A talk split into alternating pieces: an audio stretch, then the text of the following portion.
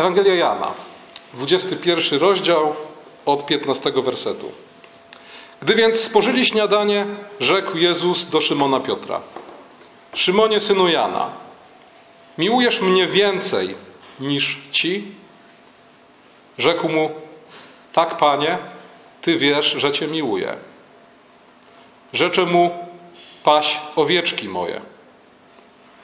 Rzeczę mu znowu po raz drugi: Szymonie synu Jana, miłujesz mnie? Rzeczę mu: Tak, panie, ty wiesz, że cię miłuję. Rzekł mu: Paś owieczki moje. Rzeczę mu po raz trzeci: Szymonie synu Jana, miłujesz mnie? Zasmucił się Piotr, że mu po raz trzeci powiedział: Miłujesz mnie? I odpowiedział mu: Panie, ty wszystko wiesz. Ty wiesz, że cię miłuję.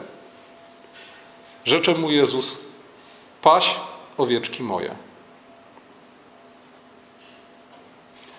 Wszystkie fragmenty Pisma Świętego, które usłyszeliśmy dzisiaj, odnoszą się do tej jednej idei. Do osoby pasterza i do pasienia owiec. Najpierw prorok Ezechiel.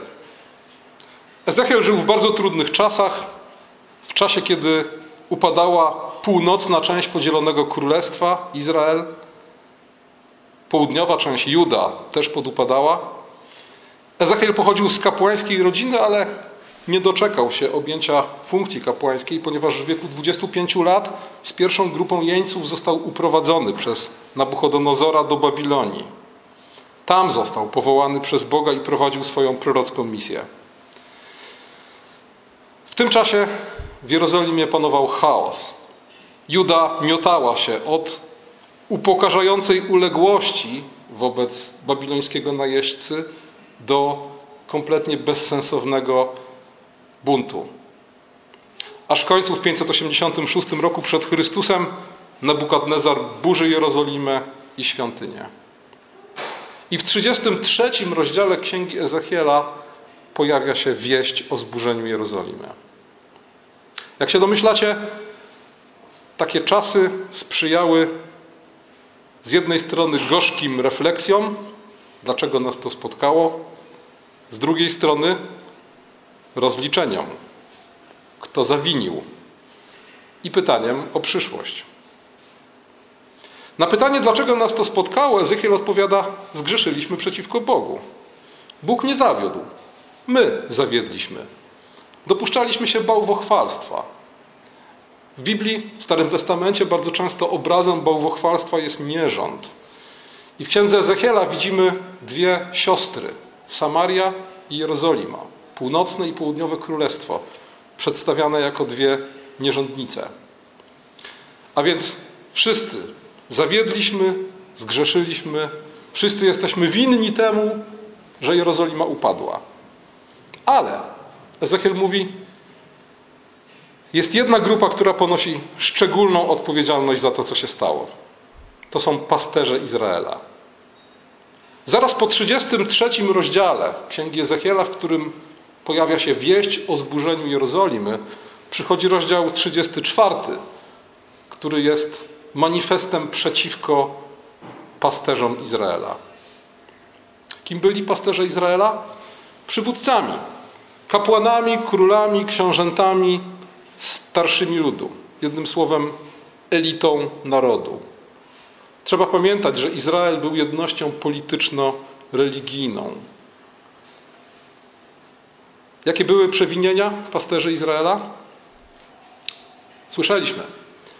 Sami siebie paśli. Mleko, wełna, mięso, z tego wszystkiego korzystali, ale o owce się nie troszczyli. Nie wzmacniali słabych, nie leczyli chorych. Zbłąkanych nie sprowadzali z powrotem, zagubionych nie szukali. A silnymi owcami rządzili gwałtem i surowo. Zdaniem proroka Ezechiela, właśnie, właśnie to, właśnie taka postawa pasterzy Izraela doprowadziła do duchowej, politycznej, narodowej katastrofy.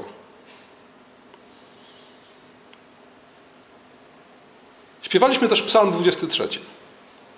Tutaj obraz jest zupełnie inny. Tutaj mamy doskonałego pasterza i szczęśliwą owcę. Pan jest moim pasterzem. Niczego mi nie braknie. Zielone pastwiska, pokrzepienie duszy, pasterz, który prowadzi mnie zawsze właściwą drogą. A nawet kiedy przeprowadza przez dolinę cienia śmierci, wiem, że niczego nie muszę się bać, bo On jest ze mną. Nawet kij pasterski, który generalnie służy do, temu, żeby, do tego, żeby krnobrną owcę przywołać do porządku, jawi się w tym psalmie jako błogosławieństwo. Kij Twój i laska Twoja mnie pocieszają.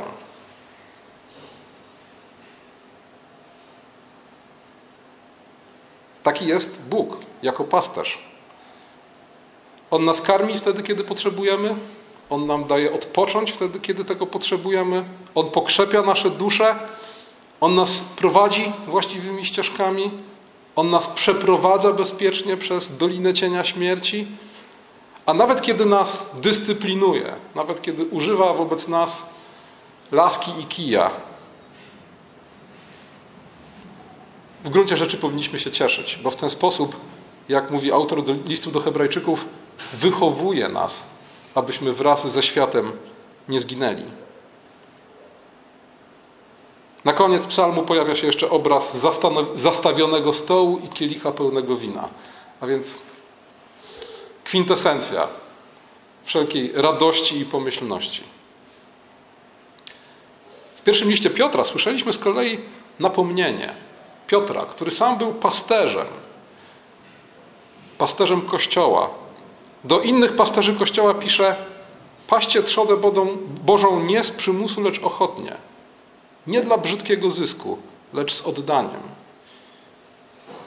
Nie jako panujący nad tymi, którzy są wam powierzeni, ale jako wzór dla trzody. Zobaczcie, jakich przeciwstawień apostoł Piotr używa. Po Bożemu ochotniej z oddaniem, a nie dla brudnego zysku. Nie jako panujący, ale jako wzór. Bo jeśli tak będziecie czynić, to kiedy objawi się arcypasterz, otrzymacie niezwiędłą koronę chwały. Słyszeliśmy też fragment z Ewangelii Jana, gdzie w dziesiątym rozdziale Jezus mówi o sobie: Ja jestem dobry pasterz. A dobry pasterz jest przeciwieństwem najemnika. Najemnik to ktoś, komu nie zależy na owcach, bo owce nie są jego. I kiedy widzi niebezpieczeństwo, porzuca owce. Ale dobry pasterz zna owce, owce go znają, znają jego głos, idą za nim i co najważniejsze, gotów jest oddać życie za owce. Kiedy pojawia się niebezpieczeństwo, on pozostaje przy owcach i w razie czego gotów jest oddać swoje życie. Widzicie, tutaj w dziesiątym rozdziale Ewangelii Jana jest to przeciwstawienie najemnika i pasterza. Najemnik ucieka, kiedy widzi niebezpieczeństwo, kiedy widzi wilka. Pasterz trwa przy owcach i w ostateczności oddaje swoje życie. Ale zwróćcie uwagę, że pasterze Izraela, o których mówi prorok Ezechiel, byli gorsi niż najemnicy. Najemnik, o którym mówi Jezus, to jest ktoś, kto ucieka, kiedy widzi niebezpieczeństwo. Zły pasterz, o którym mówi Ezechiel, to jest ktoś, kto jest sam zagrożeniem dla swoich owiec. Bóg mówi w księdze Ezechiela do pasterzy Izraela: Wyrwę moje owce z waszej paszczy.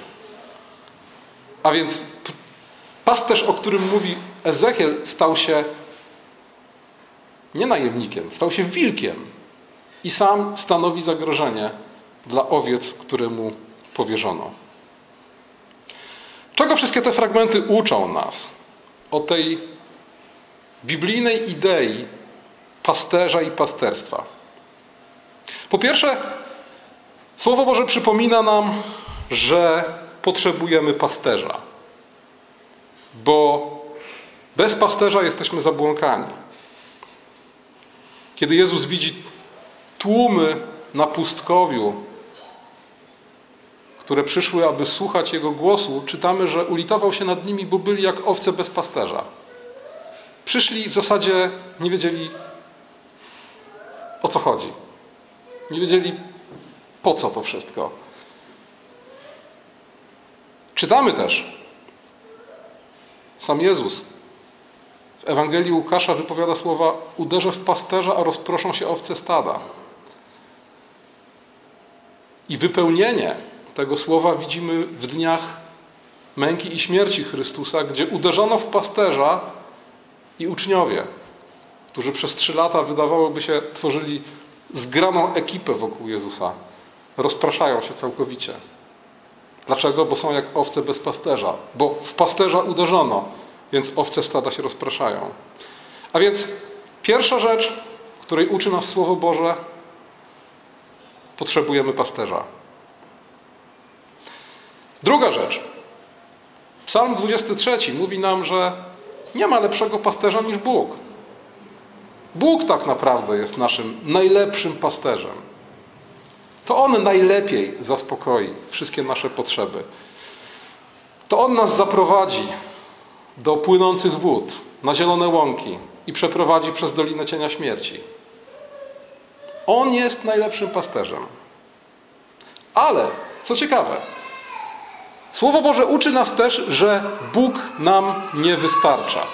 I to w pierwszym momencie brzmi jak jakaś straszliwa herezja, ale tak jest. Bóg nam nie wystarcza. Bóg sam uczynił siebie niewystarczającym dla nas. Stworzył nas w taki sposób, że potrzebujemy nie tylko Boga, ale innych ludzi.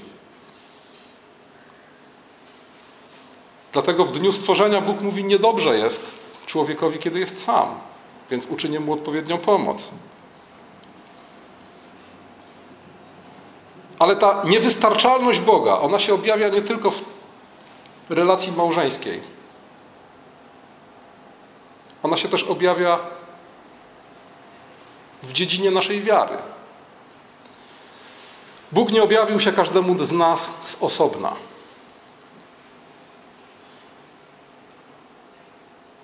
Słowo Boże przyszło do nas za pośrednictwem innych ludzi. Za pośrednictwem proroków, apostołów, ale też tych, którzy Pismo Święte dla nas na zrozumiały język przetłumaczyli i tych, którzy nam je wykładają. W jaki sposób Bóg używa dzisiaj wobec Ciebie swojego kija i swojej laski?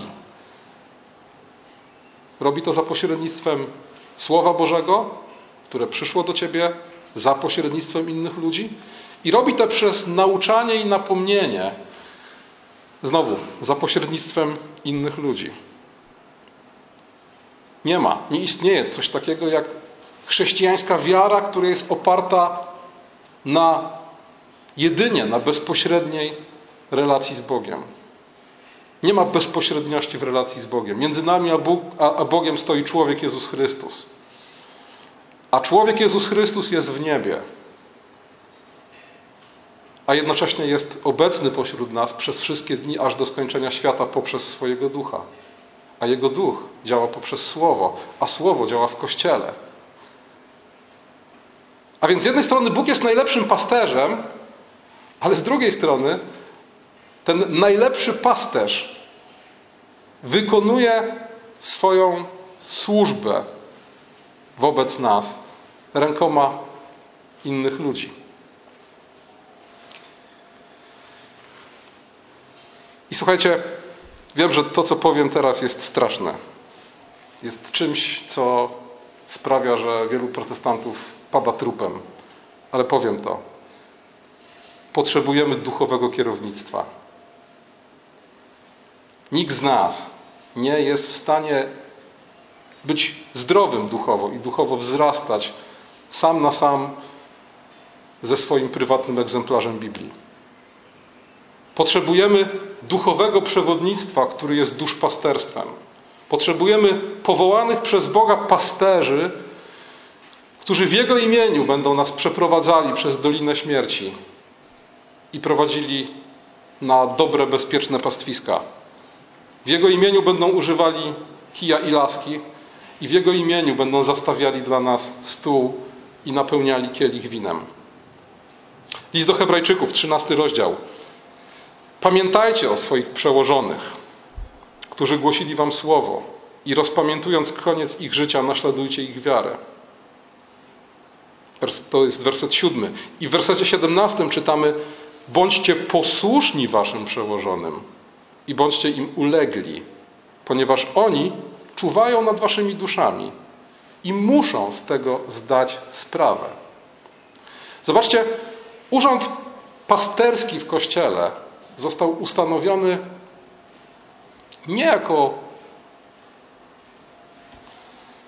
punkt usługowy, punkt świadczenia usług duchowych, z którego korzystamy wtedy, kiedy potrzebujemy, ale kiedy radzimy sobie sami dobrze, po cóż nam pasterze?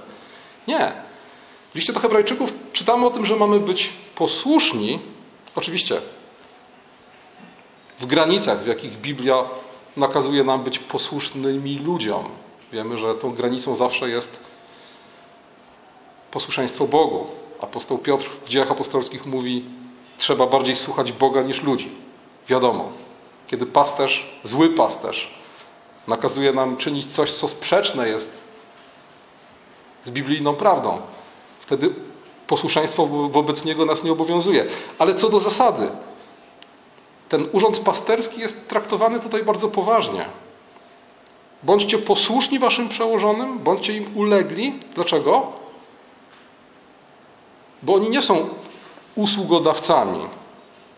Oni czuwają nad waszymi duszami i muszą z tego zdać sprawę. Więc są kimś znacznie więcej niż usługodawcami. I tu oczywiście pojawia się problem. Dopóki śpiewamy Psalm 23, że Pan jest naszym pasterzem i mamy przed oczyma obraz Chrystusa, doskonałego pasterza, nie ma problemu. Jesteśmy przynajmniej teoretycznie gotowi takiemu pasterzowi poddać się zawsze, w każdej chwili całkowicie. Ale Bóg swoją pasterską służbę wobec nas wykonuje rękoma grzesznych ludzi. Spotykamy na swojej drodze dobrych i złych pasterzy. W księdze Ezechiela czytamy o tych złych. Co się stało tak naprawdę w czasach Ezechiela? Przywódcami zostali ludzie szukający własnych korzyści. Nie chcieli służyć, chcieli korzystać z przywilejów związanych z piastowanym urzędem. Chcieli korzyści. Te korzyści mogły być bardzo różne i dzisiaj też mogą być bardzo różne. Są ludzie, którzy szukają zysku, to co robią, robią dla pieniędzy, ale są też tacy, którzy robią to dla ambicji i próżnej chwały albo dla władzy.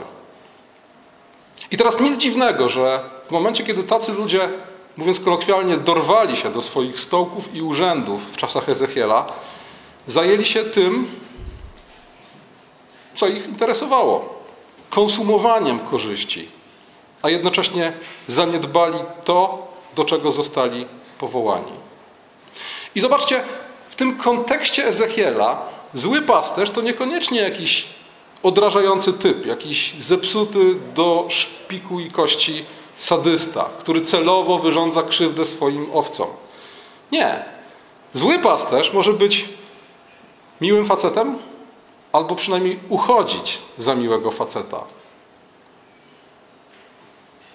Może zabiegać o popularność wśród swoich owiec, bo to właśnie popularność pozwala mu maksymalizować korzyści, na których mu zależy. Ale istotą problemu jest zła postawa. Tym, co charakteryzuje złego pasterza, jest koncentracja na sobie. Zaniedbanie jest jedynie konsekwencją, która może się pojawić gdzieś dopiero na końcu dnia. I dopiero na końcu listy tych zaniedbań może pojawić się skłonność do tyranii, do dyktatury w Bożej owczarni. Ale nawet ta tyrania i dyktatura niekoniecznie musi objawiać się w jakiś sadystyczny sposób. Może się objawiać, objawiać zwykłą manipulacją.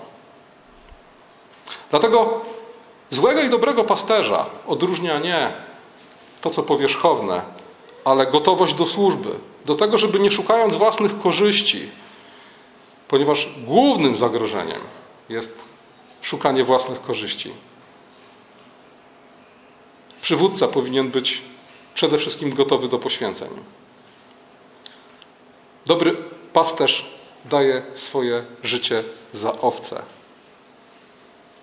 Dlatego tym, co powinno nas niepokoić, kiedy widzimy pasterza, jest jego koncentracja na sobie, zabieganie o własną chwałę i przywileje. Szukanie zaszczytów i korzyści zamiast sposobności do pracy i służby.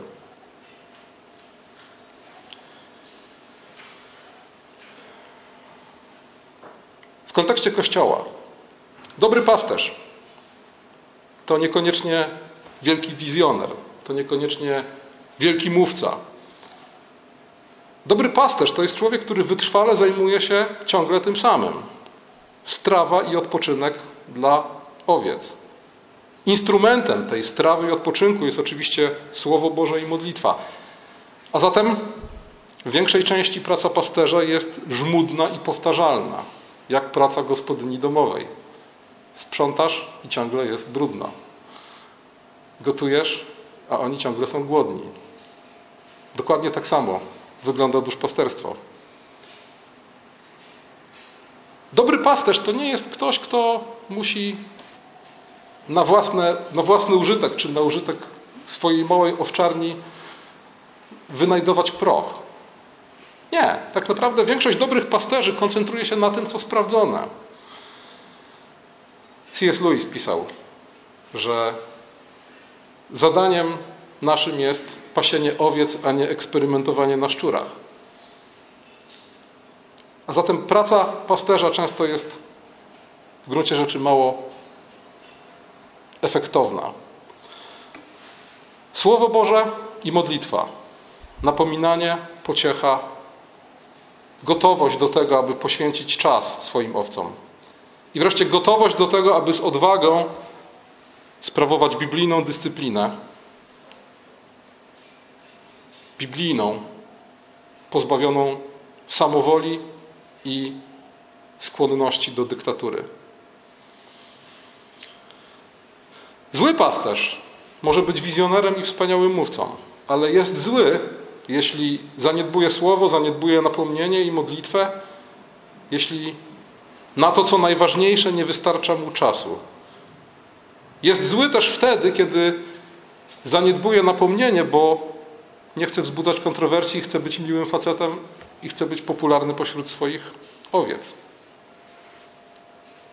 Kiedy pasterze zawodzą, dzieje się rzecz straszna. Dzieje się to, co stało się w Izraelu w czasach Ezechiela. Owce się rozpraszają, stają się żerem dla dzikich zwierząt, błąkają się, a nie ma kto by sprowadził je z powrotem. Nie ma kogoś, kto by się o nie zatroszczył. I co więcej, może się stać rzecz jeszcze gorsza. Sami pasterze mogą stać się zagrożeniem dla swoich owiec. I w tym kontekście powinniśmy czytać fragment, od którego zacząłem dzisiejsze kazanie rozmowę Jezusa z Piotrem nad jeziorem galilejskim tuż po zmartwychwstaniu.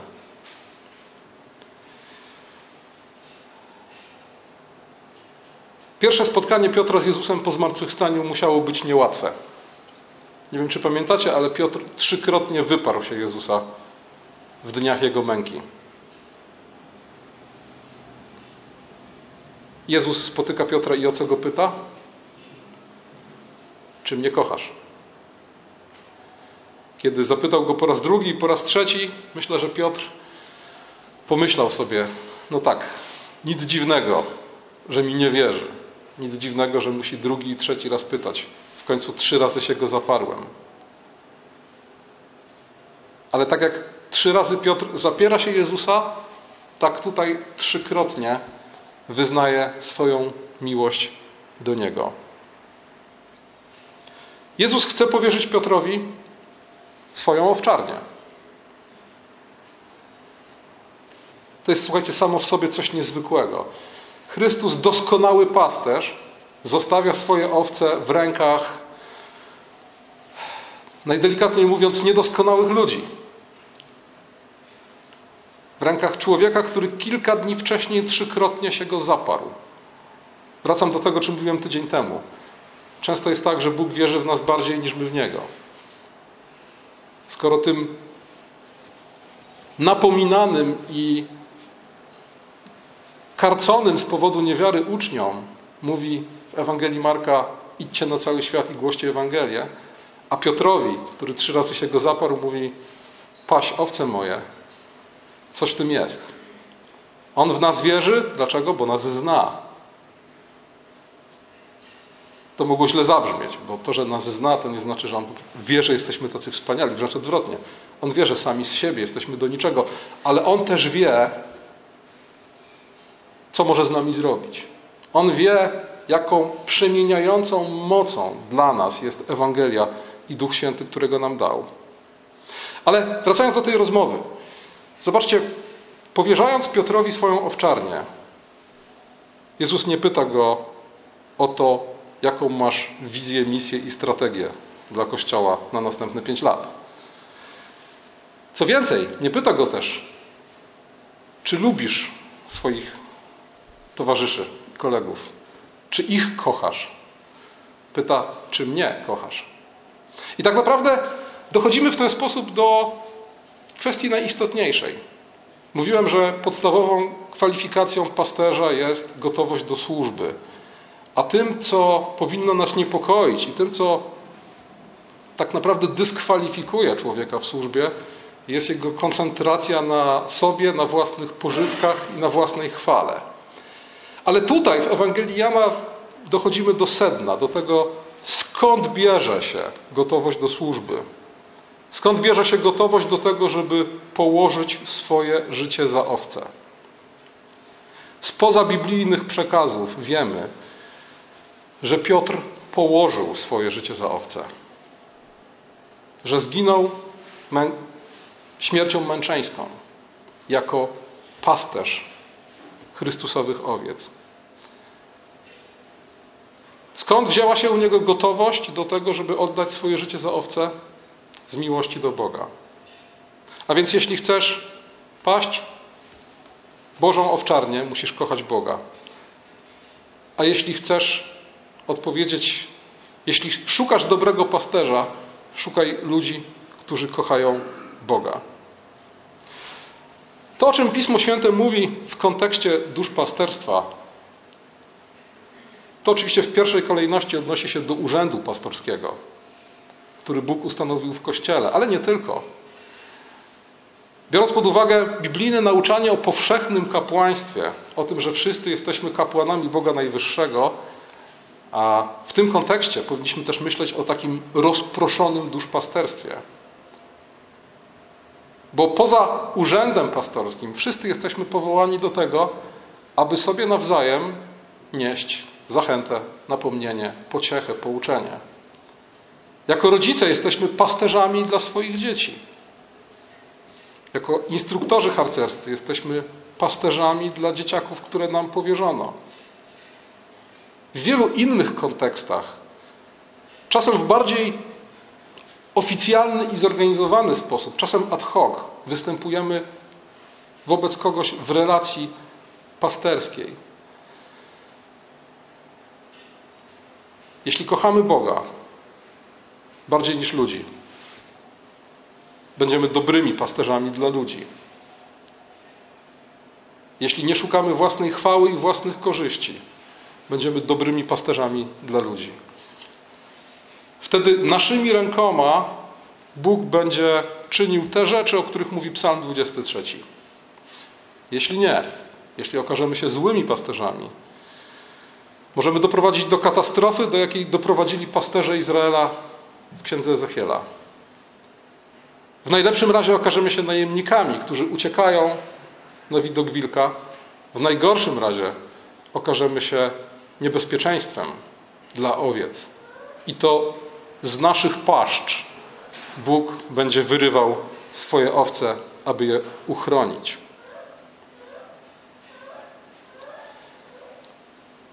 Potrzebujemy pasterza. Dziękujmy Bogu za najlepszego naszego pasterza, jakim jest Jezus Chrystus.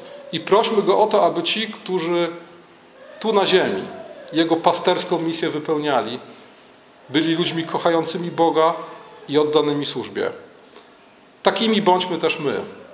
W każdej relacji i w każdej sytuacji, w której wobec kogokolwiek reprezentujemy Jezusa Chrystusa, dobrego pasterza. Amen.